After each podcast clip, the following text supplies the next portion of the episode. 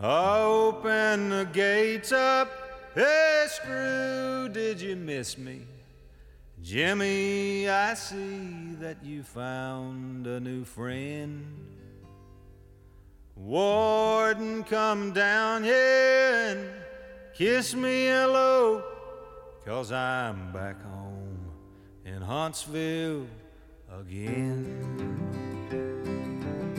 Welkom bij de Prison Show, programma over delict, straf, herstel en terugkeer. Oprecht, onafhankelijk en baanbrekend. Want iedereen heeft recht van spreken en verdient erkenning voor wie hij of zij is. Met Edwin En Frans. Yes, I'm back home in Huntsville again. Welkom bij een nieuwe Prison Show aflevering. Te vinden in je podcast app via Spotify ook en prisonshow.nl. Hoi, Dit wordt weer een echte keukentafel sessie in Westzaan. Want we hebben gasten bij ons aan tafel, Frans. Ja, zeker. Leuk. zeker. En eh, inderdaad, eh, aan de keukentafel, dat is ook wel, het praat ook wel gezellig en makkelijk, vind ik. Met, eh, nou, de schapen zijn net weg. Het is, Maar het is een beetje- uitzicht over het Een beetje mistig is het buiten. Land hier in Westzaan. Ja. Ik ga vertellen wie er tegenover ons zitten.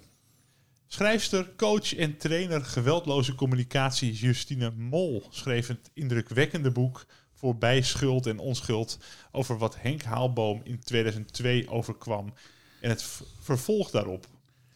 Het leven van Henk verandert in een drama als hij in januari 2002 wordt aangehouden voor de moord op Pim Overzier. Henk krijgt vanaf 2006 bezoek in de gevangenis van Justine. Uit allerlei onderzoeken blijkt dat Henk Pim niet vermoord kan hebben. En Pim een natuurlijke dood is gestorven als gevolg van een hartafwijking. Het boek beschrijft ook hoe Henk in de twaalf jaar zijn waardigheid behield. Evenals zijn respect voor zichzelf en anderen. Kritiek op de gang van zaken en op het vonnis van de rechters blijft evenals zijn verlangen dat hem recht wordt gedaan. Waar het Justine en Henk om gaat, is lering trekken uit wat er is gebeurd en vrij van wrok en verbittering verder te leven. Wat hen daarbij helpt, is aan begrippen als schuld en onschuld voorbij te zien. Nou, dat is een bijzondere introductie. Justine en Henk, van harte welkom in de Prison Show. Ja, dankjewel. Mooi om jullie te ontmoeten. Eh, het is een indrukwekkend boek, dus ik ben ook heel blij de, de gezichten achter het boek, boek te zien. Ehm, ja, om eerst maar even eh, te vragen, hoe gaat het op dit moment met jullie? We wijzen dan naar elkaar en dat zegt al heel veel. Ja, Het, het gaat echt samen met ons. We zijn nu acht jaar verder. Acht jaar geleden, bijna acht jaar geleden kwam Henk vrij. En we hebben toen zo in de jaren dat we elkaar leerden kennen vanaf 2006 zoiets bijzonders eh, opgebouwd op een bijzondere manier dat we dikke maatjes zijn en alles met elkaar delen, eh, ons eigen gang gaan en altijd de ander naast ons weten als steun. En eh, nou, zo, zo gaat het met ons. Ja, ik vind dat heel goed weergegeven. Ja. Want ik, Ja. eh, zo, zo beleef ik het ook. We zijn ook aan elkaar gewaagd. Ook dat. We ontzinnen elkaar eh, wanneer dat echt nodig is. En soms ook niet als het nodig is. Ja, klinkt goed. een rijk Ja. leven. Een heel rijk leven. Ja. Mooi, ja. Zeker, ja. Waarom heb je dit boek geschreven, eh, Justine? Ik heb het boek eh, geschreven om misschien wel op de eerste plaats voor mezelf. Ik heb meerdere boeken geschreven, maar Mhm. als het, het leven mij eh, boven het hoofd stijgt, dat ik het niet meer kan volgen, bevatten, eh, dan helpt het mij om te schrijven, zodat ik eh, helderheid krijg eh, en rust vind en ja, kan spiegelen wat er met me is gebeurd, daarvan kan leren. En, dus het geeft mij heel veel om te schrijven. Ja. En ik wilde ook heel graag delen hoe het mogelijk is dat iemand, en in dit geval Henk, eh, zoiets meemaakt als verdacht worden van een moord en daarvoor 20 jaar krijgen. Ja. Terwijl hij dat helemaal niet heeft gedaan. Dus dat wilde ik graag delen. Ik wilde delen hoe het is in de, in de Nederlandse gevangenissen. Want hij heeft in verschillende gevangenissen gezeten. En eh, ja, eh, het beeld was, punt 1, de rechters hebben, zullen het altijd wel bij het rechte eind hebben als ze een besluit nemen. En gevangenissen, dat zijn best in Nederland best prettige plekken om te zijn. Nou, die twee wilde ik graag wat tegenover zetten. Ja. Ja, en dat heb ik gedaan. En we wilden ook laten zien dat, want we uiteindelijk hebben we helemaal de tekst samen eh, de finesses eraan gegeven. Hè. Dus, het eindresultaat was toch van ons samen. Is om te laten zien hoe je zo'n periode kunt overleven zonder verbitterd te raken. En mm. dus het, hoe wij dat gedaan hebben, dat willen we graag, ja. wil ik heel graag ja. overbrengen met het boek. Ja, zeer belanghebbend. belangwekkend bedoel ik. om, om ik heb het boek gelezen, ik, dat is het ook geworden. Even voor de luisteraar, misschien goed om even gewoon op een kort te vertellen van goh, wat is er eigenlijk gebeurd? Ja, dat is uh, op een zeker moment krijg ik uh, de politie aan mijn deur. En die zegt van we komen je auto halen. Maar dan weet je niet wat er dan gebeurt. Dan denk ik, god, wat is hier aan de hand? Dit was in 2002, hè? even voor de dat was 2002, ja. ja. Maar dan, op dat moment uh, sloeg gelijk al ja, een enorme kramp toe in me. Angst. En toch proberen ten opzichte van die twee agenten die de auto in beslag kwamen nemen. Proberen op een of andere manier dat toch te kunnen hanteren. Terwijl het een. de opmerking, we nemen je auto in beslag. Nou, dat sloeg bijna de grond onder mijn voeten weg. Ze zeiden niet waarom. Nee, dat werd pas daarna gezegd. Hm. Werd helemaal niet gezegd om wie het ging. Er werd uitsluitend gezegd van wij vermoeden dat de auto bij een misdrijf gebruikt is. En ik maakte me wel al zorgen, omdat ik omstandigheden meemaakte die mijn leven al onrustig maakten. Ik had al een tijdje last van stalking. En dat heeft te maken met mijn vorige huwelijk. En dat zorgde sowieso voor een heel wat onstabiele leven. Ik ging al om me heen kijken. Toen ik s'avonds een keer uh, na mijn uh, iets naar een vriendin wilde brengen. En dus anderhalve kilometer lopen. Zag ik mijn auto niet staan. Ik denk, hè? Heb ik hem dan op een andere plek neergezet? En ik zette de auto al niet meer bij mijn huis. En waarom niet? Omdat ik bedreigd was door familielid, van we knippen die remleidingen wel een keer door. Hm. Dus ik zette mijn auto op verschillende plekken neer, zodat hij niet zo makkelijk traceerbaar was. Nou ja, op het moment dat dan je hoort van je auto wordt in beslag genomen, dan ga je denken, waar, wat kan er gebeurd zijn met die auto? Hm. Waar is die geweest? En toen zeiden ze tegen mij, en dat eigenlijk achteraf bezien is dat ook een bijna dodelijke opmerking voor mij, van hen geweest. En je moet met een heel goed verhaal komen, wil je hier goed uitkomen. En drie dagen later werd ik aangehouden. In verband met de vermissing van uh, Pim Overzier, waar het boek van Justine over gaat. Althans, waarin het genoemd wordt. Want dat is de zaak in wezen. Hij was vermist. En dan wordt aan je gevraagd van, ken je die man? Ik ken hem niet. Maar ik herinner me wel een situatie waarin ik iemand heb ontmoet bij de woning van mijn toenmalige vriendin. Die haar kwam bezoeken en mij aantrof bij de woning. Terwijl ik alleen maar daar de, kwam de post ophalen, die kwam nog op dat adres. En die ontmoeting kon wel eens de oorzaak zijn geweest dat ik aangehouden werd. Want er is DNA van hem in mijn auto aangetroffen. Op de linker armsteun wat open gaat. Hm. En waarom kwam dat portier open? Omdat ik hobby-wijnhandelaar ben. En op die achterbank staan allemaal wijn, dozen wijn. En daar, die man was er nieuwsgierig in. Hij vroeg of Rianne thuis was, zo heette die vriendin. En ik zei nee, die is naar het werk toe. En uh, toen vroeg hij wel uh, wie ik dan was. was ik, ben je de vader? Ik zei nee, ik ben, ik ben wel haar hele goede vriend, heb ik gezegd. Er is DNA achtergelaten op die plek. En dat werd een maand later pas duidelijk. Maar al die tijd zat ik al wel in hechtenis. Hm. werd op dat moment niet meer dan alleen maar, hij zal wel eens betrokken kunnen zijn. Meer niet. En een boel geroddel, dat wel van mensen. Geroddel uit een bepaalde hoek. En dat zorgde voor mijn aanhouding. De man is later, eh, drie maanden later gevonden.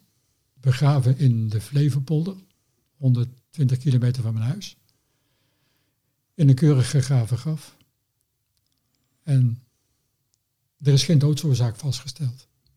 En toch ging men ervan uit dat hij vermoord moet zijn, want iemand is niet zomaar begraven. En ik moet dat dus gedaan hebben.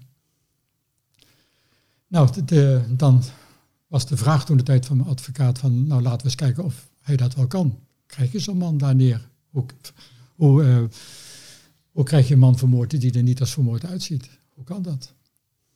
En al die vragen is nooit een antwoord op gekregen. Ik werd veroordeeld.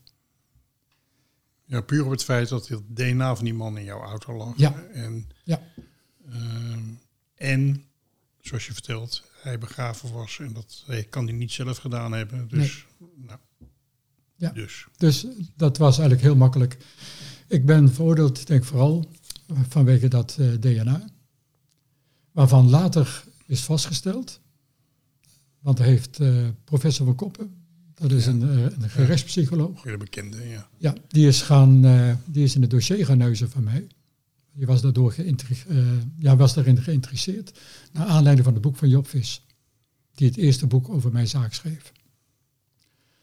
En die uh, maakte in een rapport duidelijk dat voor het onderzoek van DNA werd de tandenborstel gebruikt. En het NFI hanteert als standaard, tandenborstel is nooit betrouwbaar materiaal. Kan door anderen gebruikt zijn, daar kun je niet van uitgaan. Toch is dat onduidelijke stukje, ja, de onduidelijke herkomst, is toch gebruikt als het bewijs dat de man vermoord moet zijn. Terwijl op het hele, hele lichaam van die man is geen spoor van geweld gevonden. Helemaal niets.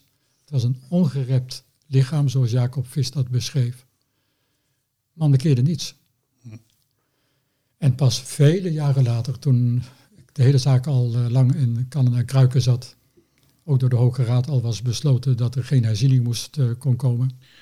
Ja, dat is ook een bijzondere. Hè? Uh, voor herziening, weten we, moet er nieuw bewijs komen. Ja.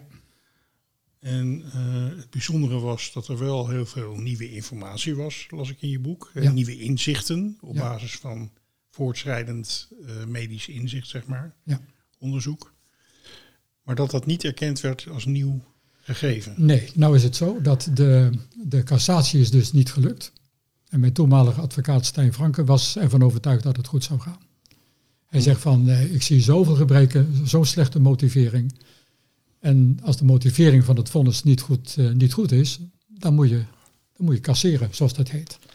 Nou, dat ging de Hoge Raad niet doen. Die ging, uh, die ging bewijs zoeken waar het bewijs al was tegengesproken door de Ja. patholoog, notabene van het NFI zelf. Ja.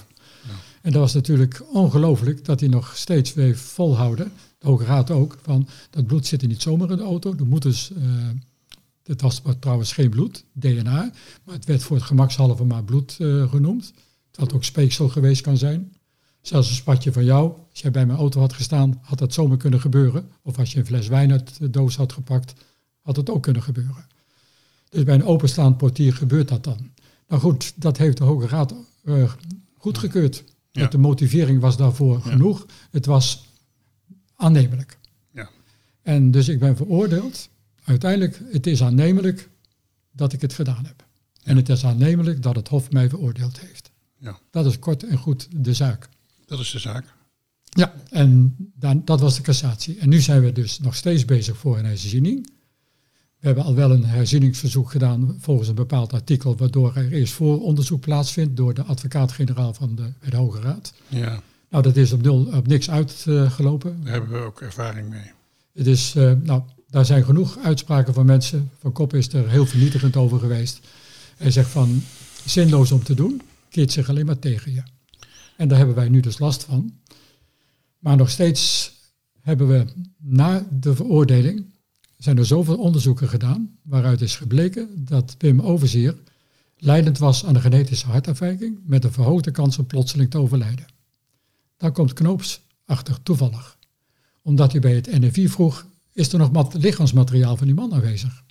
En dat bleek het geval. Het hart was uitgenomen. Staat nergens in het hele dossier. Nergens heeft het NFI er melding van gemaakt dat het hart uitgenomen is. Vervolgens heeft Knoop gaan praten met de procureur-generaal. Brouwer was dat toen de tijd, Harm Brouwer. En hij zegt, ik wil dat hart hebben. Hm. Laten onderzoeken in het AMC of bij het uh, VU Medisch Centrum. Of, uh, en dat is uh, gebeurd.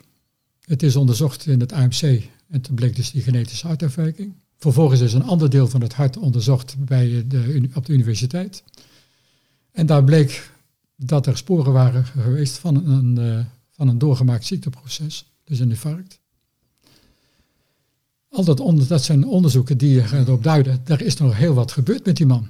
En die meneer bevond zich ook in een context waar, uh, waar zo'n zo'n uh, overlijden ook wel bijgeplaatst kon worden. De, de patholoog-anatoom, ook een tweede patholoog-anatoom, die heeft uh, gezegd van, uh, dat uh, de klachten, of datgene wat is vastgesteld, zo ernstig was, dat je daar grote rekening mee moet houden dat je daar plotseling kan toe overlijden. Ja. Nou, dat is nogal eens een uitspraak. Ja. Dus ja, de patholoog-anatoom van het NFI trouwens, die heeft in eerste aanleg, in tweede aanleg bij het Hof al gezegd, van, en hij was het eens met een andere patholoog die door mijn advocaat was ingehuurd, dat er aanwijzingen zijn aan het lichaam die wijzen op een, plots, uh, op een, uh, op een spontaan acuut hartfalen. Ja. En dat was nog voordat de genetische onderzoeken en voordat dat onderzoek naar uh, dat hartinfarct heeft plaatsgevonden. Ja. Want dat is allemaal na de veroordeling. Dat is allemaal na de veroordeling gevonden. Ja. Maar Ja. al voor de veroordeling was al bekend. En dat wordt nu gebruikt. De, het Hof heeft toen de tijd al meegewogen dat het zou kunnen zijn, maar heeft toch besloten Ja. om eh, Ja. uit te gaan van een moord. Ja, en inmiddels hebben we eh, onlangs eh Ton Derksen geïnterviewd. Die eh, uitgebreid heeft uitgelegd, ook in de Prison Show, op welke verschillende manieren de Hoge Raad, volgens welke lijnen de Hoge Raad eigenlijk herzieningsverzoeken afwijst. Ehm, ik ben ervan overtuigd dat je het niet gedaan hebt. En ehm, eh, de hele, het verhaal wat je vertelt past ook bij de bevindingen van Ton Derksen. Niet alleen in dat boek, maar ook in die eerdere boeken die hij heeft geschreven. Ja. Ehm, en dan kom je dus eh, onschuldig in de gevangenis. En wat gebeurt er dan? Ja. Ver, hoe noem je dat? Bijna verweest. Ik ben overal los van. Je kunt op niemand eigenlijk terugvallen. De eerste zeven weken zat ik in volledige beperkingen. Je mag je cel uit voor een half uurtje en dan mag je in een kooi luchten. Je mag, tele mag niet telefoneren. Je mag alleen met je advocaat praten. Die dan ook nog eens een keer in mijn geval met eh, heel veel weerstand steeds werd ontvangen. Op allerlei manieren probeerde men hem eh, af te houden. En dat, eh, dat deden met name de rechercheurs die mijn zaak onderzochten. Gingen zelfs met mijn advocaat bijna op de vuist. Je komt er niet door, wij willen eerst met hem praten. Terwijl hij het recht had om eerst met mij te praten, maar ze gingen zelf praten met mij. En zij besloten wel wanneer ik toegelaten werd. Onder die omstandigheden werd ik opgepakt en aangehouden en vervolgens gehoord. Die verhoren, zonder dat je met je advocaat gesproken hebt, ja, niet te bevatten wat er dan met je gebeurt. Je moet praten en hoe, als je niks zegt, dan gaat, wordt er enorm veel druk op je uitgeoefend. Dus ik probeerde maar een verklaring te geven. Sloeg vaak op een gegeven moment helemaal nergens meer op wat ik vertelde. Als ik maar vertelde. En hoe, minder, hoe meer ik vertelde, hoe rustiger het klimaat voor me was. Het was overleven voor mij door te praten. Dan was het te doen. En als ik niet praatte, dan werd het mijn leven heel moeilijk gemaakt. Dus mijn verklaringen zijn dan ook, ja, als ik zelf ook, als ik ze teruglees, in veel opzichten gewoon bullshit. Ja. Alleen maar omdat je een invulling probeert te geven met uh, ja, wat er gebeurd zou kunnen zijn. Want ik was zelf aan het zoeken. Wat is er toch gebeurd? Hoe kan ik nou betrokken zijn geweest? Ja. Speelt mijn auto daar inderdaad een rol in? Ik wil dat wel aanvullen. met dat- jij, dus ik heb jou leren kennen als iemand die heel dienstbaar is en behulpzaam. Dus, en, en vol vertrouwen. Dus jij zat daar met die rechercheurs, dat heb je later ook eh, gezien, om hen te helpen iets helder te krijgen, een zaak op te lossen. Dus jij ging van alles denken van, goh, misschien zou dat gebeurd kunnen zijn, of misschien dit. Of, dus jij was helemaal niet bezig met jezelf te verdedigen. Dus, en alles wat je zei als misschien, namen ze aan van, oh, eh, werd dan weer gebruikt. En dus jij, zat in, jij dacht in een, in een eh, situatie te zitten met mensen die je kon vertrouwen. Terwijl er alleen maar een situatie was van mensen die wilden dat jij bekende dat je een moord had gepleegd. Dat had je gewoon niet door. Ja, en ik denk dat het goed is om ook, eh, ook voor de luisteraar, om wat jullie vertellen, omdat het bijna niet voor te stellen is als je gewoon ergens woont en je mag naar je werk en eh, je wordt, alle, je wordt in principe vertrouwd door iedereen om je heen. Ja. Dat als ineens eh, je niet meer wordt vertrouwd, wordt weggehaald uit je eigen omgeving, in een wereld terechtkomt die je absoluut niet kent, er hele zware psychologische druk op je wordt uitgeoefend, dan eh, is het eigenlijk heel normaal dat je daar niet, niet dat je daar gewoon in meegaat. Dat, dat, is, dat is eigenlijk normaal gedrag, want wij zijn mensen. En dat betekent dus dat, eh, dat we in principe gewoon ons proberen aan te passen aan de situatie waarin we zitten. Hè? We willen, we willen meewerken, we willen oplossen, we willen verbinding, we willen harmonie. Ja. Ehm, en als je heel lang eh, eh, vast wordt gehouden en op die manier onder druk wordt gezet, ja, dan kom je dus, en dat is al heel vaak aangetoond, ook de laatste tijd, hè, dan kom je dus in een, in een situatie waarin je ook dingen gaat bekennen. Die je en ook gaat vertellen, die, die nooit gebeurd zijn. Dat Ik heb gewoon, eh, eh, dat aspect wat je dan moet bekennen. Daar zit je soms heel dicht tegenaan. Laat ik gewoon maar wat zeggen. Ik heb dus heel veel, dat heb ik nooit gezegd. Als was dat natuurlijk gelijk al eh, kassa geweest voor hen. Dat kon ook niet, want je wist niet wat er was Ik gebeurd. was, ik, had- Dan had ik in moeten vullen en dat ging wel door me heen. Dan moet ik invulling geven van hoe en waarom en waar. de Puttense moordzaak, Ja, die mannen hebben gewoon op een gegeven moment bekend. Ja, psychologische Ook druk. begrijpelijk, hè? ja Wat jij net eh, noemt, eh, Frans, de psychologische druk is zo hoog. En vooral het moment dat ze zeggen, wij zitten hier en een heel psychologenteam denkt met ons mee. Dan denk je, god, hij zegt op alle camera's kijken ze mee. Andere kamers. Nou, dat is, ja, als je over alleen voelen spreekt, dan voel je je alleen. Iedereen is tegen je, een heel psychologenteam denkt mee van hoe ze jou tot een bekentenis kunnen eh, krijgen voor iets wat je niet gedaan hebt, waarvan je niet eens weet wat er in godsnaam gebeurd is. Ja. Want de man was toen nog niet gevonden. Die werd Nee. pas eh 2,5 maand later gevonden. En dan s'nachts eh eh, steeds het licht aandoen, zodat je niet slaapt. Iedere keer als je bijna sliep, ging de lamp weer aan. En lawaai. En, Ja. Ja, ik ben. eh, ik, Ja. ja, Dus ik heb het zelf, dat is echt een marteling. Ik heb gemarteld. Ieder, ieder uur het licht aan. En dan weer En uit. dat was in het huis van bewaring? Ja. Nee, dat was, een, dat, dat was nog in het politiebureau. Dat was de eerste dagen dus. 13 dagen lang heb ik dat gehad. Ja. Waarbij je dus iedere uur het li- licht aanbrengt. En ja, dan slaap je niet. Nee. Ik eh, was gewoon, eh, dat heb ik ook steeds gezegd, mensen, ik, ik kan niet helder denken. En dan is het onverbazingwekkend dat je dan toch op een of andere manier wel helder denkt. Je denkt van, ik moet iets vertellen, want dan is de druk minder. Dus je gaat praten en je probeert ergens ankers te vinden. Hmm. En ik vond ze niet. Uiteindelijk werd het verhaal, wat niet goed was voor mij, werd mijn eigen ankerpunt. Ik ging me vasthouden aan mijn eigen verhaal. Ik denk van, dat heb ik verteld, laat ik dat maar vasthouden. Dus zo, zo diep zak je dan eigenlijk. Zo ver raak je als het ware van je kern af. Ja. Want ik ben helemaal niet opgegroeid met in, een, in een leven van wantrouwen. Integendeel, heel veel vertrouwen in mij. Ja. Van het begin af aan eigenlijk heb ik een hele, ja, toch mensen om me heen gehad. Ja, die van mij hielden. Ja. En die het beste met je voor hebben. En in één keer is het helemaal weg. Dondert in elkaar. en het gekke was dat je dan ook... Ik leerde jou kennen in 2006, dus toen was je... Die eerste vier jaren van- die in hel waren, heb ik niet meegemaakt. Maar je was toen op een punt dat je schuldig voelde. Terwijl je onschuldig zit, schuldig voelde voor, hoe het gegaan was, dat je niet helder genoeg was, niet alert genoeg was om duidelijk te maken dat je er niks mee te maken had en dat je daardoor veroordeeld bent. Schuldig naar, je eh, zoon, naar je naar goede vrienden en, en, familie die moest verhuizen omdat ze eh, lastig, te lastig gevallen werden door de omgeving. Maar dat gebeurde ook. Ja, Ja. dat is allemaal daarna gebeurd. Ja, dat is heftig. En, en dus dat is zo gek dat jij je schuldig voelde, terwijl je dus eh, dat helemaal niet was. En dat is wel helemaal veranderd nu, toch? Ja, zeker. Ja, ik voelde me schuldig dat ik eh, niet weerbaar genoeg was. Hm. Ik voelde me schuldig dat ik onmachtig was. Ja, ja.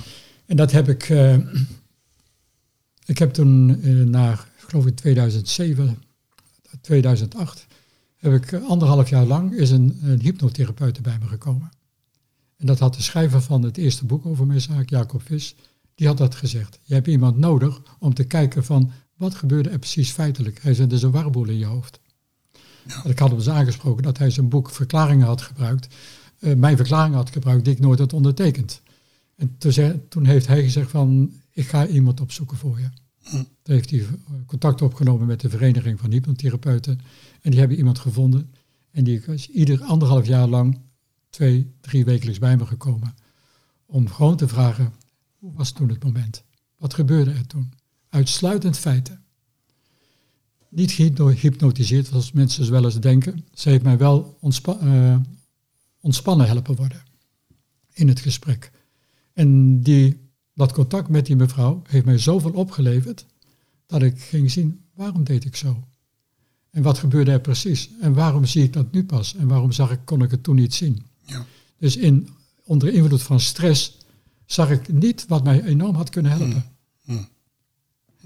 Uiteindelijk vielen en, dit... en een soort eh, eh, bevestiging daarvan, of een, een feestje konden we vieren toen je jaren later, 2009 of 10 of zo, door rechercheurs in de gevangenis werd bevraagd door iets van een medegedetineerde, geloof ik. En dat jij toen zo als je sterke, als het sterke Henk kon reageren. Van ik wil de vragen van tevoren zien. Nou nee, dat doen we niet.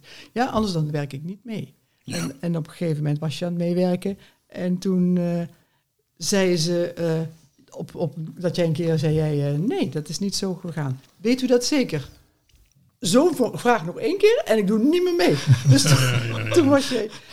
Het was zo'n verschil. ja, zo'n verschil. Dat je dan weet van, zie je wel, ik heb het wel in me om gewoon eh, redelijk te denken. Ik ben intelligent genoeg. Ik, ik kan eh, dingen pareren. Ja. Dat was eh, een soort... Ja, in mijn eerste voren, toen de tijd in die, die 13 dagen op het politiebureau, ja, had ik gewoon moeten zeggen, bekijk het maar. Ja. Eh, ik had je allemaal, ik kon ja, maar de hele maand, ik was, ik was zo aangeslagen door wat Ja. er gebeurd En is. je wordt ook zo nietsvermoedend gewoon uit je dagelijks leven weggepakt en daar maar neergezet. En zonder ervaring met hoe die procedures gaan, niks vermoedend. Ja, wat, wat denk je? Dat, dat, gemiddeld iemand die gaat dan ook overstag of die, die kan daar ook niet, kan nou- dat niet handelen. Een ander beeld wat, wat mensen ook hebben, want dat zie je in Amerikaanse series, hè, ehm, dat eh, zodra je ergens van verdacht wordt, dan komt er een advocaat, die gaat voor je staan en die zegt van, en dan kom je nu met de bewijzen, anders loop ik nu met hem weg, weet je wel, dat. Ja. Dus eh, dat geeft een beeld dat je heel stevig wordt verdedigd door een advocaat. Nou, je vertelde net al dat eh, de advocaat heel lastig toegang tot jou kreeg in het begin. Zou je iets over dat beeld willen zeggen? Of dat ook inderdaad is wat je ervaren hebt? Ja, dat is ook zo. Ik heb, eh, toen de tijd werd mijn auto in beslag genomen en ik denk van, wat moet ik doen? Ik belde mijn advocaat op. Een advocaat op die mij geholpen had bij, de, bij mijn echtscheiding. Mhm. Drie jaar daarvoor. En ik heb haar de situatie uitgelegd. Ze komen bij mijn auto is in beslag genomen. Zegt ze van, moet je misschien niet bij mij zijn, maar ik weet wel iemand die dat graag zou willen doen. En zodoende kwam ik bij mijn eerste advocaat terecht. Op dat moment nog niet wetend wat er allemaal achter zat. En toen heeft die advocaat wel goed gedaan. Hij zegt van, over mijn auto maakte ik me ook gerust. Dat was al het geval. Eh, wie heb je allemaal ontmoet?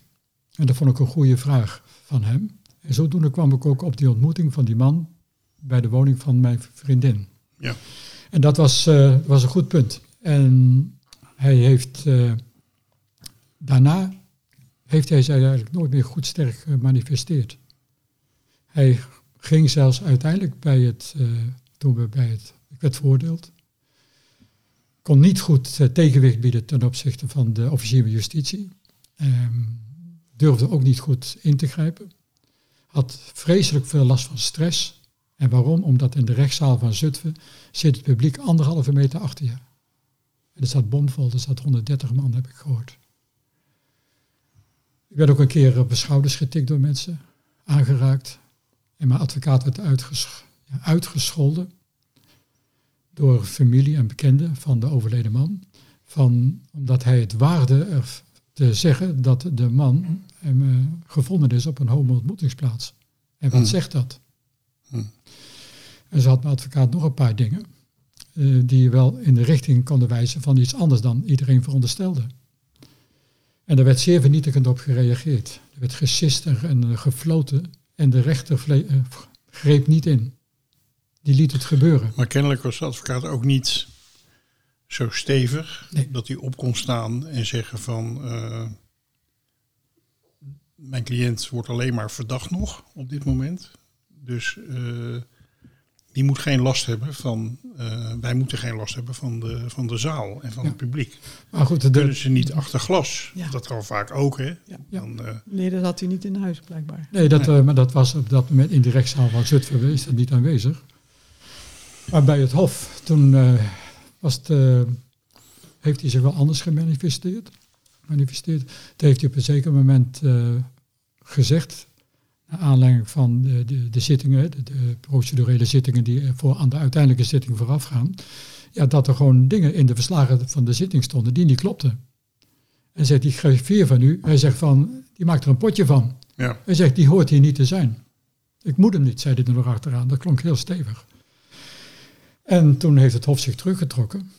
En wij dus ook afzonderlijk. En de advocaat zei van, uh, ja, dus ik weet niet wat de uitkomst is. Toen ging hij een collega bellen, want hij voelde zich niet helemaal stevig genoeg. En die collega zei van, je moet heel stevig in je schoenen staan, wil je de griffier vragen, en het hof vragen. vragen. Maar de advocaat durfde het niet te doen. Hmm. Pas achteraf heb ik uh, samen met, uh, toen had ik Knoopsel, die is later pas gekomen naar aanleiding van het boek, op een rijtje gezet van wat de advocaat allemaal in huis had moeten hebben om het te doen. Hij had veel meer in handen dan hij op dat moment gebruikte. Het was niet alleen de griffier, het was ook de hele vooringenomen houding van het Hof. Het was ook de, het feit dat de, een van de raadsheren mij belachelijk ging maken. Ah, meneer Haalboom, wat, wat zegt u nou toch? De ene keer voelt u zich onzeker, de andere keer bent u angstig. Wat is het nou? Zoiets. Ja. Dan weet je toch niet wat er gebeurt. Dat het Hof wat over jou gaat beslissen, met zo'n houding komt. En al dat soort dingen liet mijn advocaat lopen. Nou, het is een, een bizarre uh, samenloop van omstandigheden die er uiteindelijk voor zorgden dat je een uh, dat je verdachte werd. Hè? Dat is eigenlijk, uh, ja, je kan het bijna. Ja, er is een boek over geschreven, maar als, je, als dat niet gedaan was, zou je zeggen: dit is een verhaal voor in een boek. Hè? Je kunt het niet verzinnen. Nee. Het, is, het is heel absurd. Ja. ja. En als dan vervolgens iedereen je vervolgens schuldig verklaart, dan uh, moet je gewoon een ontzettende goede advocaat hebben. Dat maakt dus kennelijk heel veel verschil. Of je je recht krijgt, of je een, ja. een topadvocaat hebt, hè, een Ines Wesky of een, uh, nou ja, noem maar op. Ja. Of een uh, Knoops. Ja. maakt echt heel veel verschil. Ja, hij deed zijn best hoor, die advocaat. Ja, ja, ja. Maar ik, ik zag hem worstelen en ik zat zelfs in een hulphouding ten opzichte van hem, kwam ik terecht. Ja. Ik probeerde hem te ondersteunen, zodat hij zijn werk echt goed kon doen. Ja, maar je had gewoon echt een hele goede advocaat eigenlijk ja, nodig gehad. Ja, daarom. Als je en, toen knoops had gehad, was het anders gelopen. En, en nu was er al zoveel vastgezet en het hele systeem had al besloten dat jij de moordenaar was. Je was veroordeeld en nog een keer veroordeeld en uh, Dus toen, nou lijkt het er niet meer doorheen te komen. Nee. Ja. Ik zou nu graag, want heel graag willen naar van, van hoe dat dan was om uh, hiermee verder te gaan. Want je zit onschuldig in de gevangenis. Wat dan? Hoe ga je, hoe ga je met zoiets om? Hè? Want... Ja. Iedere dag met die dag leven. Iedere dag proberen iets te doen wat je leven zin geeft. En in het begin was dat, toen, tijdens de procedures nog allemaal, je advocaat dienstbaar zijn ten opzichte van je advocaat. Kun je dit eens uitwerken? Zou je daar eens naar willen kijken? Heb je daar aan gedacht? Denk er eens over na. Dus mijn dagvulling bestond daaruit dingen te doen die nodig waren. Tweede wat je eh, doet is kijken van met wie kan ik allemaal contact opnemen. Dat was voor mij heilig. Iedere dag probeerde ik mijn moeder te bellen. Laat me wel wezen, die uh, kreeg dit ook over zich heen. Dus ik had wel, iedere dag probeerde ik wel een, ik een vriend te bellen of een vriendin. Dus contacten met buiten waren met essentieel om het vol ja, te houden. dat was, als je praat over wat hielp mij er doorheen, dat is gewoon dat initiatief nemen. En daar, daar desnoods ruzie om maken om bij die telefoon te komen. Ook al wil iedereen aan die telefoon hebben, ik wilde hem hebben. Dus dat is een apart, apart ding, hè, die telefoon. Je hebt twee telefoons op een afdeling. En je moet het met 24 man doen. En ook al is soms de helft van de mensen wil bellen en krijgt niemand aan de telefoon, maar ze houden hem wel bezet. En ik wist dat ik mensen aan de telefoon kon krijgen. En ik wist dat al die mensen naar me zouden luisteren, zouden vragen naar me. En ik zou mijn verhaal kunnen doen hoe lastig en moeilijk het is en wat ik meemaakte. En ik zou mijn verhaal kwijt kunnen. En als je dat dan niet kwijt kan omdat de telefoon steeds bezet wordt gehouden, ja, dan wordt het, dan wordt het zwaar voor mij. Dus ik deed alles om, om die telefoon te bemachtigen. Ik kocht daar dus mensen voor om. Dat ze voor mijn rekening, van mijn geld konden bellen. Ja, dus, dus je bent echt uh, nou, het baaiersgevecht aangegaan. Ja. Dus het, het baaiersgevecht, daar bedoel ik mee, in een, in een gesloten omgeving, repressieve omgeving, um, overleven eigenlijk. Ja. En, en dan, dan moet je, de lotgenoten moeten met elkaar gaan knokken om uh, over wie op een gegeven moment kan overleven. Ja, maar dat betekent niet alleen dat ik dus de buitenwereld moest bereiken, maar die binnenwereld moet ik ook leefbaar houden. Ik moet kijken dat met de bewaarders, de, de PJW's zoals, zoals ze worden genoemd, maar de bewaarders, uh, je moet ermee kunnen dealen. En met alle hun gekkigheden die ze soms ook hebben en hun vooroordelen. En daar kwam ik uh, regelmatig natuurlijk wel mee in conflict, want ze kwamen met argumenten ja, die ik heel makkelijk kon weerleggen. En dan ben ik een wijsneus. En dan merkte ik wel dat ze daar een zeker ontzag voor hebben, maar tegelijkertijd mij ook bloedirritant vonden. Ja. Dus, en je hebt maar heel weinig rechten, maar de weinige rechten die ik heb, vond ik wel dat daar goed naar gekeken moest worden.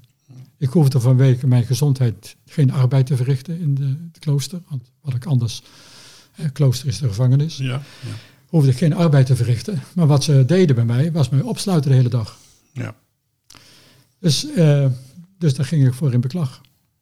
Dus dat was lastig. En zo waren er veel rechten die ik zou hebben, waar, men dus niet, waar ik zelf voor op moest komen. Ja. En dat riep irritatie op. Maar ook de irritatie werd vaak op heel grove wijze ten opzichte van, van mij geuit. En ik vond dat ze wel beleefd tegen mij konden zijn. Ik zeg, je hoeft niet meneer te zeggen, zei ik tegen hem. Ik zeg, je hoeft geen u te zeggen, maar ik kan wel op een fatsoenlijke manier, kun je mij aanspreken. Van niet, nee, he, joh, dat wil ik niet. Hm. Weg in joh. Noem me bij mijn naam. Nou, zulke soort dingen. Ja. Uh, dat was een manier van mij om de situatie voor mezelf zo eerlijk mogelijk te maken. Zo gelijkwaardig mogelijk, terwijl die in geen enkel opzicht gelijkwaardig was. En hielp, hielp het? Ik bedoel, uh, je sprak dus uh, bewaarders aan die je niet met respect behandelden. hielp het? Gingen ze je dan wel met respect behandelen? een aantal deed dat. Ja. En ik weet ook dat een aantal in de onderlinge vergaderingen er ook over ze hebben er ook over gesproken. Ja. En een aantal mensen kon dat gewoon niet. En die verzaakten vreselijk in hun houding ten opzichte van mij. Waren bot.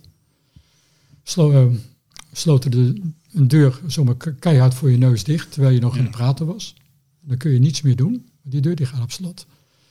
En anderen zeggen van, ja, maar luister, we begrijpen dat het lastig voor je is. Er was er ook, Harry was zo'n man. Maar ik moet je helaas opsluiten. En dan ga je anders achter die deur.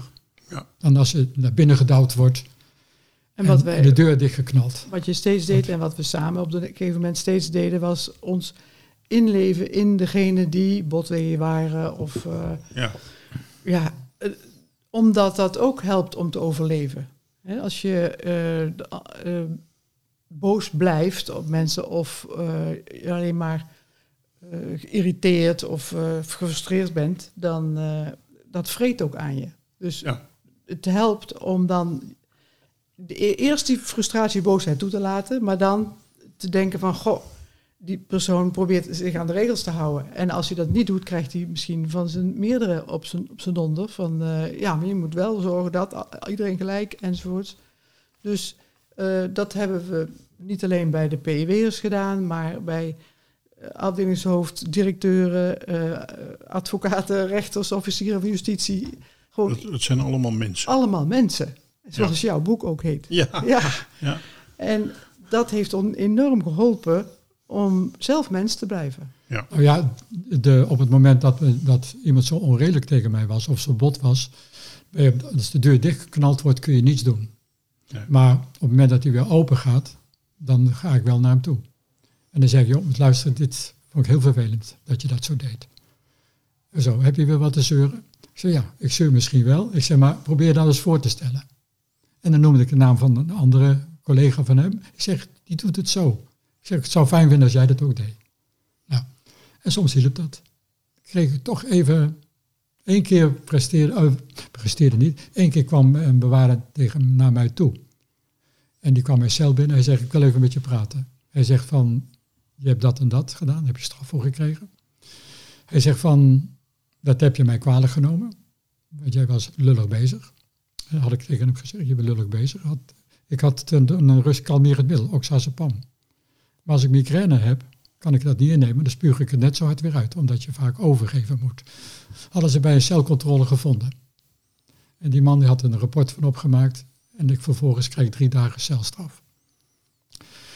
Nou, hij is, uh, nam ik hem kwalijk. Ik had uitgelegd hoe en waarom. Hij is na een paar dagen bij me gekomen. Hij zegt, wat had ik anders kunnen doen? En die vraag heb ik maar één keer gehoord. Tijdens al die jaren. Ik vergeet nooit dat hij de enige is geweest die echt zegt, wat had ik anders moeten doen? Ja. Of kunnen doen. Zo onvoorstelbaar eigenlijk. Omdat we hebben op dit moment met corona te maken in alle gevangenissen. En degene die uh, ja, eigenlijk de, de dupe zijn van de maatregelen, zijn gedeeltelijk de personeelsleden. En, maar natuurlijk voor het belangrijkste deel de mensen die ingesloten zijn en hun families.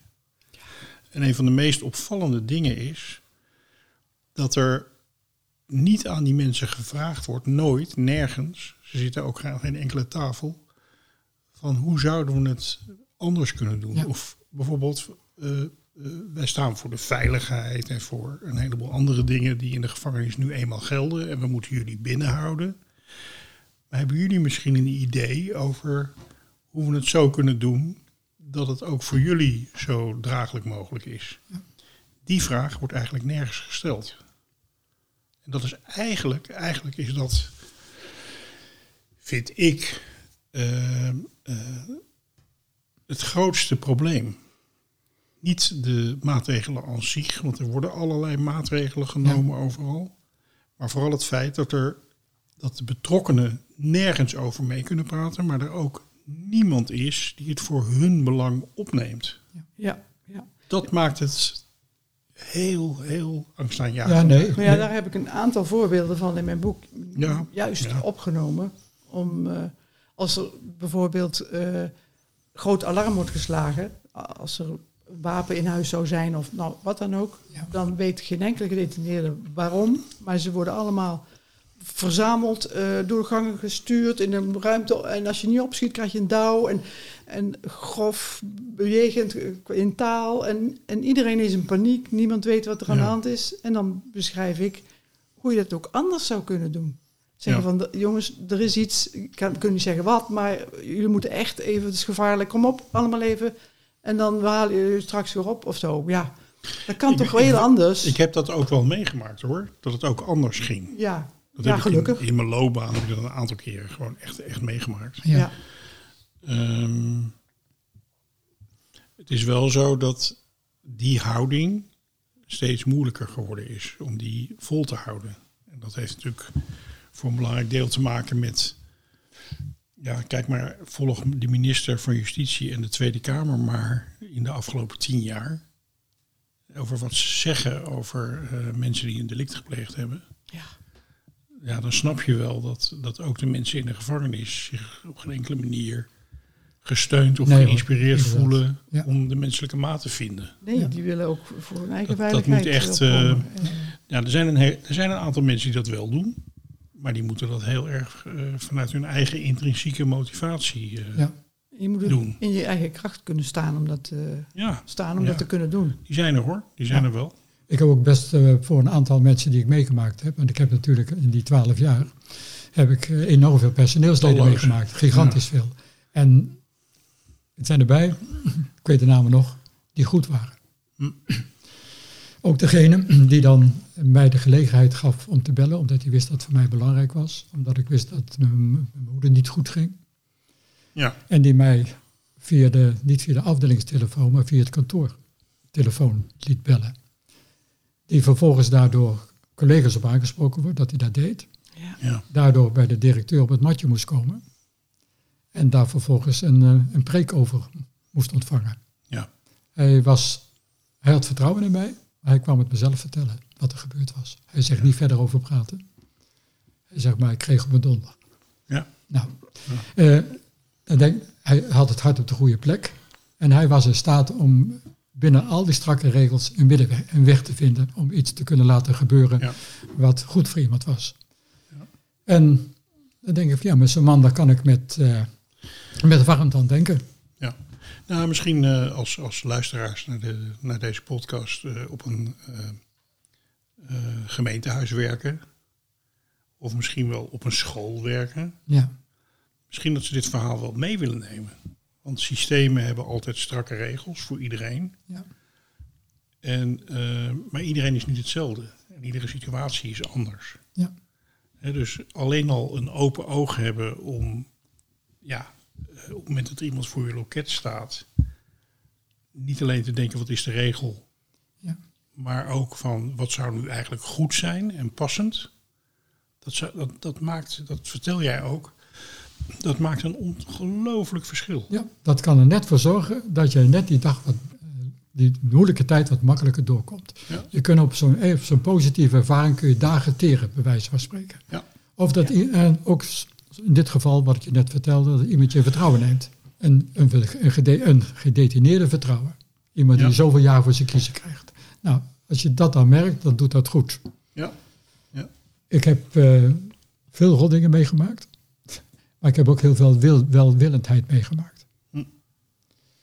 Ook onwilligheid. ja. Ja, Maar dat dus- is, dat is jouw kracht, dat jij altijd het positieve vooral onthoudt, maar ook Ja. eh, onthoudt wat je, eh, of ziet wat je er- ergens van leert, of wat, je, wat het je oplevert. Ja. Je hebt eh, in, in de brieven wel eens een hele series opgenoemd van dat ik nu eh intensiever contact heb met mijn moeder hierdoor. Dat ik eh, heb eh, geleerd hoe ik zelf in elkaar zit, dat ik enzovoort enzovoort. Mhm. Dus als je, ja, dat is ook een manier om te overleven. Ik heb, eh, ik heb nooit beseft dat ik zo sterk zou kunnen zijn. Ja. Als je mij van tevoren had gevraagd, dat je weet wat je, voor, wat je gaat overkomen. En je moest dan denken dat het allemaal zou zijn overkomen. Nee. Ik ontdek dat ik, dat ik eigenlijk heel sterk kan zijn op het moment dat het nodig is. Ja. Maar ook heel onmachtig. En ben geweest, zeker in de beginfase, om, ja, om, eigenlijk maar enigszins benul te hebben van hoe ik moet doen. Ja. En hoe, of wat ik moet laten. Het is een beetje het verhaal van eh, iemand die knock-out geslagen wordt. Hè? En die dan op een of andere manier weer op moet krabbelen. Ja. Zo klinkt je verhaal. Ja. Dat is het zo. Een knocked-out, dat, dat word je op het moment dat je aangehouden wordt en in de cel wordt gestopt, dan, dan gebeurt dat met je. Ja. Dan, ben je dan ben je lam geslagen. Dan, kun je, dan, dan, dan ben je machteloos. En dus Ja. die onmacht, ja, die, om dat te overwinnen, om daaruit te komen. En dat is me uiteindelijk gelukt en daar heb ik gewoon hulp bij gehad. Ja. En dan ontdek je de weerbaarheid van de geest, van de menselijke geest, die heel ver kan gaan blijkbaar.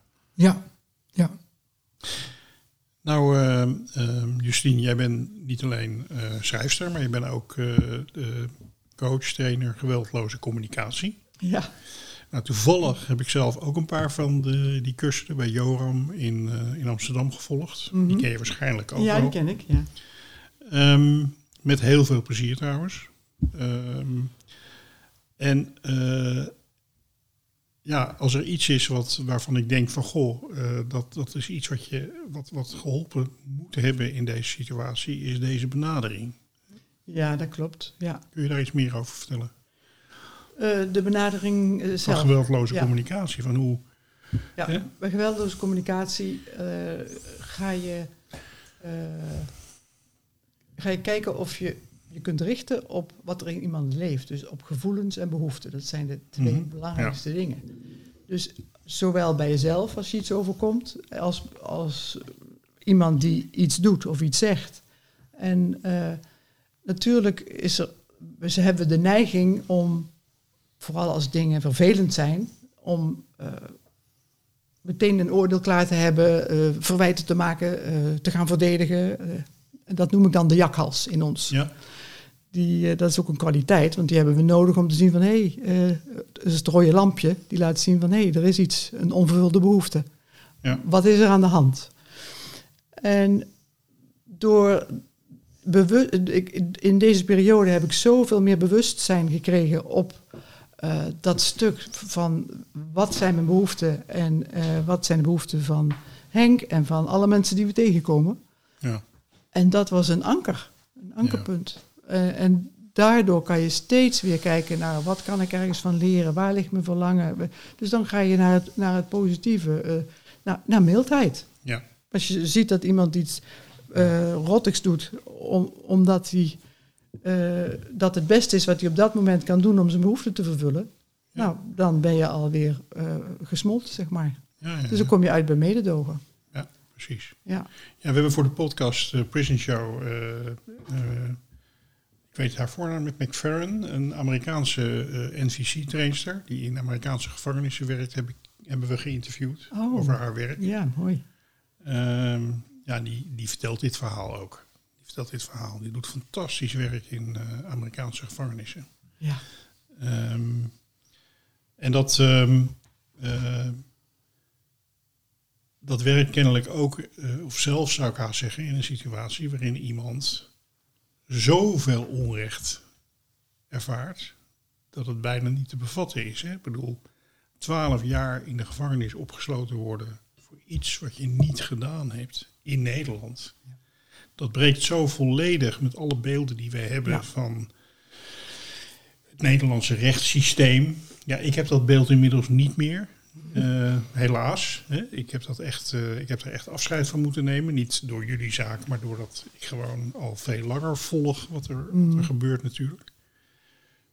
Eh, Nederland als rechtsstaat. Daar kunnen de meest onvoorstelbare dingen ook gebeuren. Dat is niet alleen in de Bananenrepubliek, maar dat is ook in Nederland dat het gebeurt.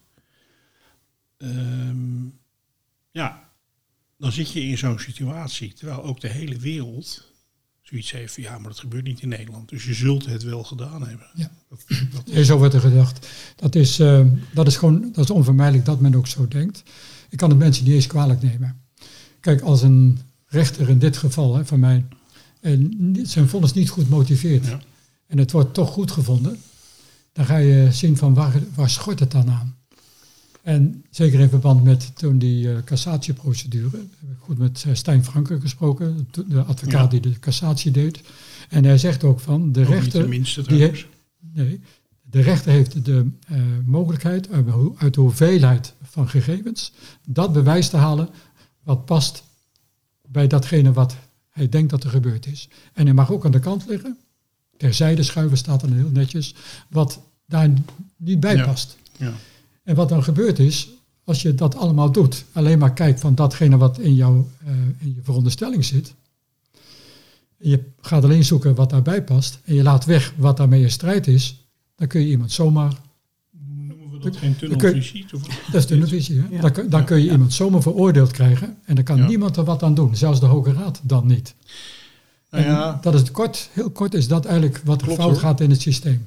klopt. En, en eh, wat Tom Derks ook verteld heeft, hè, de Ja. Hoge Raad die wil eigenlijk er niet serieus naar kijken. Die wil eigenlijk, het aan, wil eigenlijk niet herzien. Ja. Dat is eigenlijk het uitgangspunt. En die zoekt eigenlijk strategieën, die volle strategieën om het af te kunnen wijzen. En- En aan ons is het om dan daarmee te leven en te blijven eh, werken aan dat het toch gebeurt, maar met het idee dat het misschien niet gebeurt. Maar hoe leef je daar dan mee? Ja, voor zodat mij het is het- jouw hele leven bepaalt, Ja, ja. zeg maar. En eh, waar ik veel heel veel aan heb, eh, is eh, mijn verbinding met de natuur. Mhm. En met mijn creativiteit en mijn fantasie. En een voorbeeld dat ik toen het echt heel erg heftig werd, dat je in, heel ziek was en in de isoleercel werd eh, gegooid tussen aanhalingstekens en daar niet gehoord werd, geen dokter kreeg, Acinopectorus klachten kreeg enzovoorts. Dat ik gewoon daar thuis mee zat en, en geen kant meer op kon en alleen maar kon schreeuwen en huilen. En, en dat ik, eh, een, ik had van tevoren bedacht, ik moet een stapel oude borden klaarzetten, dan kan ik daarmee gaan gooien. Slim Dus- gedacht. Dus ik dacht, oh wacht, die borden staan er nu. dus ik gooide een bord, had per ongeluk mijn ogen dicht. Ik dacht van, oh nee, nog een bord, want ik wil wel zien dat het kapot valt. En toen eh, luchtte dat al een beetje op. En toen heb ik de scherven gepakt en buiten in mijn tuin, om een oude boomstronk, heb ik die, van die scherven een mooi mozaïek gemaakt en die in de aarde gedrukt. En dat was voor mij echt een soort ritueel waarmee ik weer kon aarden en kon me verbinden met de natuur en alles wat er is en alles is goed. En, Wat mooi. Ik, en eh, daar, daar heb ik heel veel voorbeelden van. Dat heeft mij ontzettend geholpen. Mm. Ik ga zo nog vragen of je nog zo'n voorbeeld hebt. Want er zijn heel veel achterblijvers die luisteren naar, ehm, naar de Prison Show. Het gaat ook vaak ook voor achterblijvers. En die vrouwen zijn meestal vrouwen, want het zijn meestal mannen die in de gevangenis zitten. mo- Moeders en partners en dochters, zonen. Die eh, eh, maken zich vaak dodelijk ongerust. Ja. Vooral als er. eh, ik ben toevallig onlangs veel eh, gesproken met mensen die, eh, waarvan de partner bijvoorbeeld MS had. En die regelmatig een aanval kreeg en dan in het ziekenhuis terecht kwam. Eh, en de partner en de kinderen niet werden geïnformeerd, bijvoorbeeld. Mhm. Eh, eh, mensen met andere aandoeningen. Hè? Dus de mensen zijn dodelijk ongerust. En die moeten daar wat mee. Die Ja. zitten in dat huis. Die kunnen niets. Die krijgen geen informatie. Ja, ik, eh, die ben je notabene de partner. Ja. Of zelfs een medisch gemachtigde. Een partner die ook medisch gemachtigd was. Ja, die krijgt gewoon niks te horen. Nee. Hoe ben jij daarmee... Want jij was natuurlijk achterblijver op dat moment. Ja. Ja. Hoe ben je daarmee omgegaan? Heb je daar nog over? Die scherven vind ik trouwens fantastisch. Dat Ja. vind ik echt iets om te doen. Ik had vrienden waar ik eh, dan even helemaal eh, los kon gaan. Gewoon eh, die dat begrepen. Dat ik nodig had om verontwaardiging en onredelijkheid en alles eruit moest gooien. Dat helpt Ja. ook. Ja, Want ik, ik ben geneigd om mild te blijven. En, maar mijn aard is ook eh, om dingen op te blazen. Nou, dat mocht ik dan van mezelf Ja. en van mijn vrienden. Dat hielp. En nog een ander voorbeeld is dat ik ook in de natuur, dat ik eh, in de winter ging wandelen en stampvoeten. En dat ik bij een vijver kwam waar ijs op lag. En daar zat, langs de rand was er het water al, was het niet bevroren. En dan vocht ik een stokje en dan ging ik zo onder dat ijs golven maken. Zo, die, mijn eigen emotie, emotiegolven konden dan wel die kant op, maar ze werden belemmerd door dat ijs. Dus dat gaf een beeld van hoe het in mij eraan toe ging. En toen zag ik ineens een opgerold blaadje zo in dat ijs vastzitten. Toen dacht ik, nou, als ik Henk niet kan bevrijden, kan ik dat blaadje bevrijden. En toen ging Ja. ik heel voorzichtig dat ijs wegtikken en dat blaadje eruit halen. En eh, dicht bij mijn hart gekomen. Mooi dat je dat vertelt. Eh, eh, het woord natuur hè, is, Ja. is heel belangrijk, denk ik. Verbonden met de natuur. Ehm, we hadden Sym- symboliek vorig jaar ook een voor dame, twee dames geïnterviewd die wandelingen hielden, onder andere met achterblijvers in de natuur. Ja, ik kan me helemaal voorstellen. Ja. En dan hadden ze, ik heb het zelf ook gedaan om te ervaren van Ja. hoe dat was. Ehm was in de buurt van Haarlem. Ehm, en dan onderweg eh, eh, een soort kaartspel waarbij je dus op bepaalde momenten een bepaald iets ging overwegen of Ja. doen of wat dan ook. En dat was echt, daar werd je heel rustig van. ja. Het was echt. ehm, En, Dus dat en ik, ik, teken, om- en ik maak spekstenen beelden. En, eh, dus Ja. daar, daar kan ik ook heel veel in kwijt dan. Dat, Ja. is een ontladen en een opladen en weer Ja. bij mezelf thuiskomen. Fijn. Ja. En fijn dat je ook zulke vrienden hebt. Want wat veel achterblijvers meemaken, is dat eh, mensen in de omgeving, ook zelfs familie, zeggen van eh, wat moet je met die eh, persoon? Ja, Hè? Die zit in de gevangenis en eh, noem maar op. En eh, toevallig waren wij zaterdag met een paar achterblijvers op de eh, radio. En toen zei een van die dames ook van, eh, ja, wat mijn zoon ook gedaan heeft. Ik heb niet een knop waarmee ik de liefde uit kan zetten. Die ik voor mijn kind heb. Die heb Mooi. ik gewoon niet. Dus ja. Ik heb het, het geluk dat ik eh, eh, mijzelf al die jaren ontwikkeld heb door eh, van een driftkikker een, iemand te willen maken die geweldloos denkt en doet en, Mhm. en handelt mhm. en voelt. En daarmee ook mensen om me heen eh, gevonden heb die ook dat willen zijn. Ik bedoel, je, je krijgt toch Ja. je vrienden om je heen. Mijn familie trouwens, ook een aantal eh, familieleden, mijn kinderen ook. Ja, heb ik zelf opgevoed. ja, Dus, eh, ja, ja, ja, en daar heb ik heel veel steun aan. Daar ben ik heel dankbaar voor. Ja, ja. Nou, geweldig dat ze dat hebben heel Zowel af, voor jou als voor hunzelf, dat ze dat Ja. hebben kunnen doen. en heel af en toe is er dan... Ja, er was een keer een buurman die dacht dat ik eh, hem wilde benadelen ergens mee. Wat ik niet wilde, maar die ineens zo op straat schreeuwde van... Jij bent toch die vriendin van die moordenaar? Dat ik helemaal dacht van... Wow. Maar dat overkomt me dus bijna nooit. En dat is heel fijn. Ja. En Dat dus- is, dat is ook eigenlijk de enige keer dat we daar dat we een keer zoiets hadden. En dat Justine dat overkwam. Dat ik toen naar de man ben toegegaan. Ik heb gezegd, van, dat kun je niet maken wat je doet. En inmiddels kunnen we heel goed met elkaar opschieten.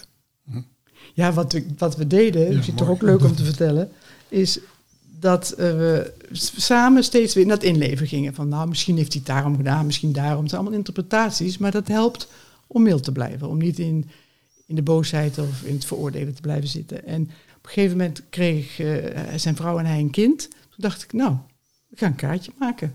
En dat bij hun in de bus stoppen. En dat heeft hun zo verbaasd. Dat hij, eh, op, toen hij me tegenkwam op straat, naar me toe kwam. Dankjewel voor die kaart en wat leuk. En, nou, hij dacht, dat mens moet mij natuurlijk niet. Ja, Want Ja, ik heb iets rots aardig gedaan. doet, juist iets aardigs doen. Ja. En terugdoen, ja. ja. iemand die onaardig tegen je is, moet juist iets aardigs tegen doen. Het wondermiddel. ja, ik vind dat fantastisch. Maar je kan het alleen maar als je het ook echt meent. Precies, ik heb het niet als trucje gedaan. Nee. Dus, je, dus je, je moet dan ook echt oog hebben voor het Ja. mens, mens zijn van die Ja. ander. Ja. Het wordt wat mij betreft steeds, ik weet niet hoe jou dat eh, eh, vergaat eh, Edwin, het wordt mij steeds duidelijker. Ehm, ik krijg nog steeds meer voelen hoe je dan met dat enorme onrecht toch op een, weg weet te vinden. Ja, zoals jullie dat gedaan hebben. Jullie hebben gewoon veel geleden. Ik Ja, denk dat je dat, geweest. zoals ik straks al zei, hoe, ik- hè, vertelde je straks hoe ik eraan toe was. Ja. Dat ik wel een paar jaar heeft geduurd voordat ik weer voluit kon lachen. Ja. Is Zo lang heeft niks- het geduurd. Het is niet voor niks En dat is natuurlijk, eh, dat zegt al genoeg over eh, Ja. hoe moeilijk het is. Ja. En laten we wel wezen, al die twaalf jaar is toch een gevecht. Gevecht om te overleven. Heel erg knokken om, om maar toch gezien te worden. Om toch maar gehoord te worden. En ik kan me bijna geen dag herinneren waarbij je dat niet moest doen. Iedere dag was een incident, bij wijze van spreken. Ja. Incident om het leven een klein beetje voor jezelf draaglijk te maken. Tegen de tijd dat jij met pensioen zou gaan, eh, kwam je in de meest stressvolle baan terecht. Zo Ja. kun je het zeggen. Ja, Dat kun je wel zeggen, ja. Ja. Ja. Wat ik eigenlijk nog wel, even eh, dan wil eh, aanstippen, want we zijn al aardig lang aan het praten, maar ehm, vanaf 2006 bezocht jij dus eh, de gevangenis. Ja. Hoe is het contact tussen jullie oorspronkelijk ontstaan? Ja, ik ben als vrijwilliger eh, via Humanitas Henk gaan bezoeken. Er was een nieuw plan, één op één bezoek. En ik dacht, goh, dat is misschien wel leuk om eh, te kijken hoe ik zal reageren op iemand die eh, iets eh, ergens die misdaad heeft gepleegd, een, een boef. ja. Nou ja, en toen kwam ik hem tegen, dus Toen bleek het een boefje.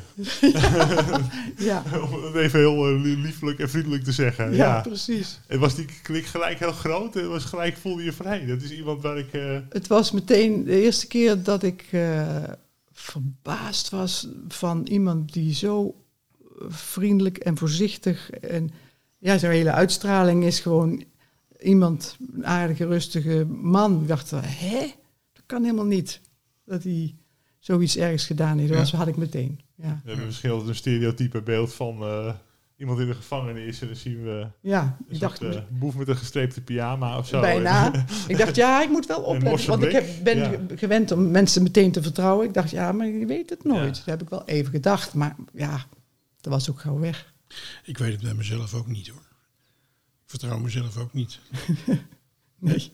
Ik bedoel, wel voor een heel groot deel. Ja, maar soms weet je het niet. Nee. Ik weet het gewoon niet. Nee, je weet nooit hoe je zult reageren in bepaalde omstandigheden. Precies. Ik heb ook nooit geweten van hoe ik zou reageren als ik in zo'n omstandigheid zou komen. Hè. Van tevoren denk je daar helemaal niet aan. En dan kom je erin en dan weet je op dat moment nog steeds niet hoe het uiteindelijk met je zal gaan. Je hoopt alsnog dat je vrijgesproken wordt, dat de rechters het doorhebben. Ja, dat blijkt dan niet zo te zijn. En vervolgens moet je doen met wat er dan op dat moment ligt. En dat, is, dat is dan inderdaad die strijd die vanaf dat moment duurt tot aan het einde toe. En op zo'n moment komt dan iets heel moois op, het pa- op je pad. Daar heb je een enorme steun aan, lijkt me. En daarna, Ja. nou, als je dan vrijkomt, is het ook fantastisch dat je elkaar dan eh, veel be- nog veel beter kan, eh, kan leren kennen. Ja, nou Die ja, vrijheid. daar, ben ik, daar ben ik heel dankbaar voor. Ja. Dat je iemand ontmoet die voor je wilt gaan. Ja. Ja. Wonderbaarlijk mooi verhaal is dat. eh, een Ja, mooie ik, kant eh, aan een, aan een, Ja. een triest verhaal is het een wonderbaarlijk mooie kant. Ja. Zeker, ja. Ja. We hebben wel eens eh, tegen elkaar gezegd van eh, wat was er van ons terechtgekomen als we elkaar niet hadden ontmoet. Hoe was mijn leven verlopen als ik Justine niet was tegengekomen in 2006? Ja. Die per ongeluk eigenlijk ja, op mijn pad kwam. Dat, weet je, dat weet je gewoon niet. Maar dat ik een ander leven gehad zou hebben, dat durf ik wel te zeggen. Want het is maar zelden dat je, dat je in elkaar datgene eh, zo terugziet, deel van jezelf, waar je dan op dat moment het gevoel van samen bij kunt voelen. Ja. En dat gevoel hebben we, dat heb ik heel sterk, of dat hebben we, dat kan ik Ja, ook ja. voor Justine spreken, dat gevoel hebben we gekregen. We hebben, een- we hebben dat stuk in elkaar ontdekt en dat past. Ja, wat jullie vertellen is ehm, het hele verhaal, inclusief dat laatste stukje wat je nu toevoegt, eh, Henk. Ik vind het een heel universeel verhaal. Ik vind het heel erg over mensen gaan. Ja. In allerlei omstandigheden. Niet alleen alle betrokkenen bij dit proces. Hè, slachtoffers, nabestaanden, eh, mensen die in de gevangenis zitten, of ze het nou wel of niet gedaan hebben, partners. Mensen in het systeem Ja. die eh, hiermee te maken krijgen. Ja, ik vind het een. eh, ik vond het zelf heel inspirerend en ook heel. Er zit ook ontzettend veel rijkdom en waarde in jullie verhaal, vind ik, voor, voor onze luisteraars. Ja. En daar wil ik jullie gewoon heel erg voor bedanken. Wij bedanken Justine en Henk voor hun openhartige verhaal. Graag sluiten we deze podcast af met een beeldschoon fragment uit het boek dat Justine schreef. Voorbij schuld en onschuld heet het.